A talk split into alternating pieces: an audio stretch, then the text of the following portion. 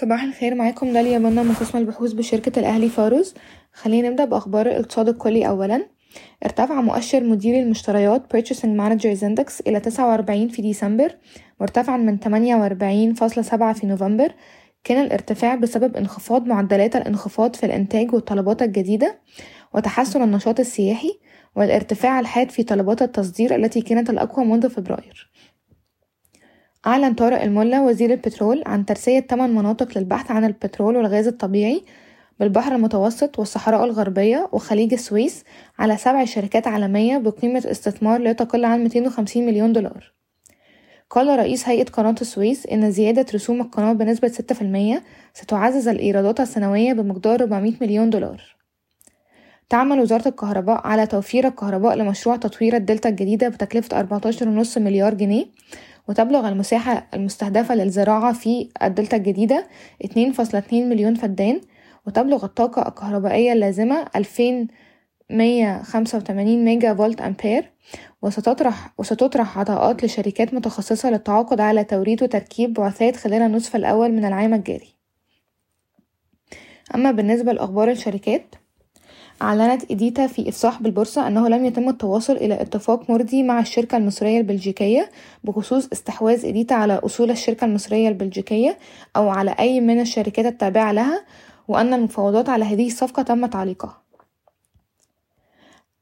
تعتبر رخصة إنتاج الكتل المعدنية ال billets الأكثر جاذبية وسط تراخيص الصلب التي قدمتها هيئة التنمية الصناعية في نوفمبر 2021 الجدير بالذكر أن الهيئة الصناعية ستتلقى عروض شراء رخصة بحلول 15 نوفمبر 2022 بينما أعلن أشرف الجرحي رئيس شركة حديد المصريين أن الشركة ستشتري رخصة الإنتاج الإنتاج البلتس بطاقة إجمالية مليون طن. يعتزم بنك البركة زيادة رأس ماله المصدر والمدفوع إلى خمسة مليارات جنيه في عشرين اتنين وعشرين من مليار ونص جنيه اعتبارا من سبتمبر عشرين واحد وعشرين. بالإضافة إلى تحقيق أرباح قدرها مليار ربعمية مليون بنهاية عام عشرين اتنين وعشرين مقارنة بمليار جنيه اعتبارا من سبتمبر عشرين واحد وعشرين.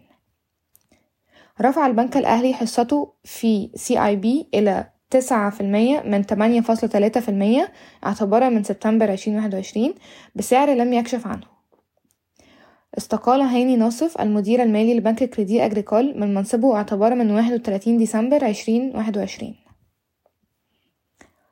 باعت Care Healthcare تمانية فاصلة سبعة في المية من ملكيتها في مستشفى كليوباترا بإجمالي صفقة بلغت سبعمية وعشرة مليون جنيه مقابل مية اتنين وأربعين مليون سهم بسعر خمسة جنيه للسهم لتتراجع ملكيتها من سبعة وتلاتين فاصلة سبعة في المية إلى تسعة وعشرين. تم تأجيل محاكمة Speed Medical بشأن إفصاحاتها المتضاربة عن Prime Speed ومستشفى الصفوة إلى سبعتاشر يناير عشرين اتنين وعشرين. أعلنت رايا عن تاريخ التوزيعات النقدية البالغة ست قروش للسهم الواحد في 18 يناير وآخر تاريخ للاستحقاق 13 يناير 2022 من المتوقع أن تنمو أسعار الفنادق بنسبة 15 ل 20% في السنة المالية 2022 مقارنة بنسبة 30 ل 35% في السنة المالية 2021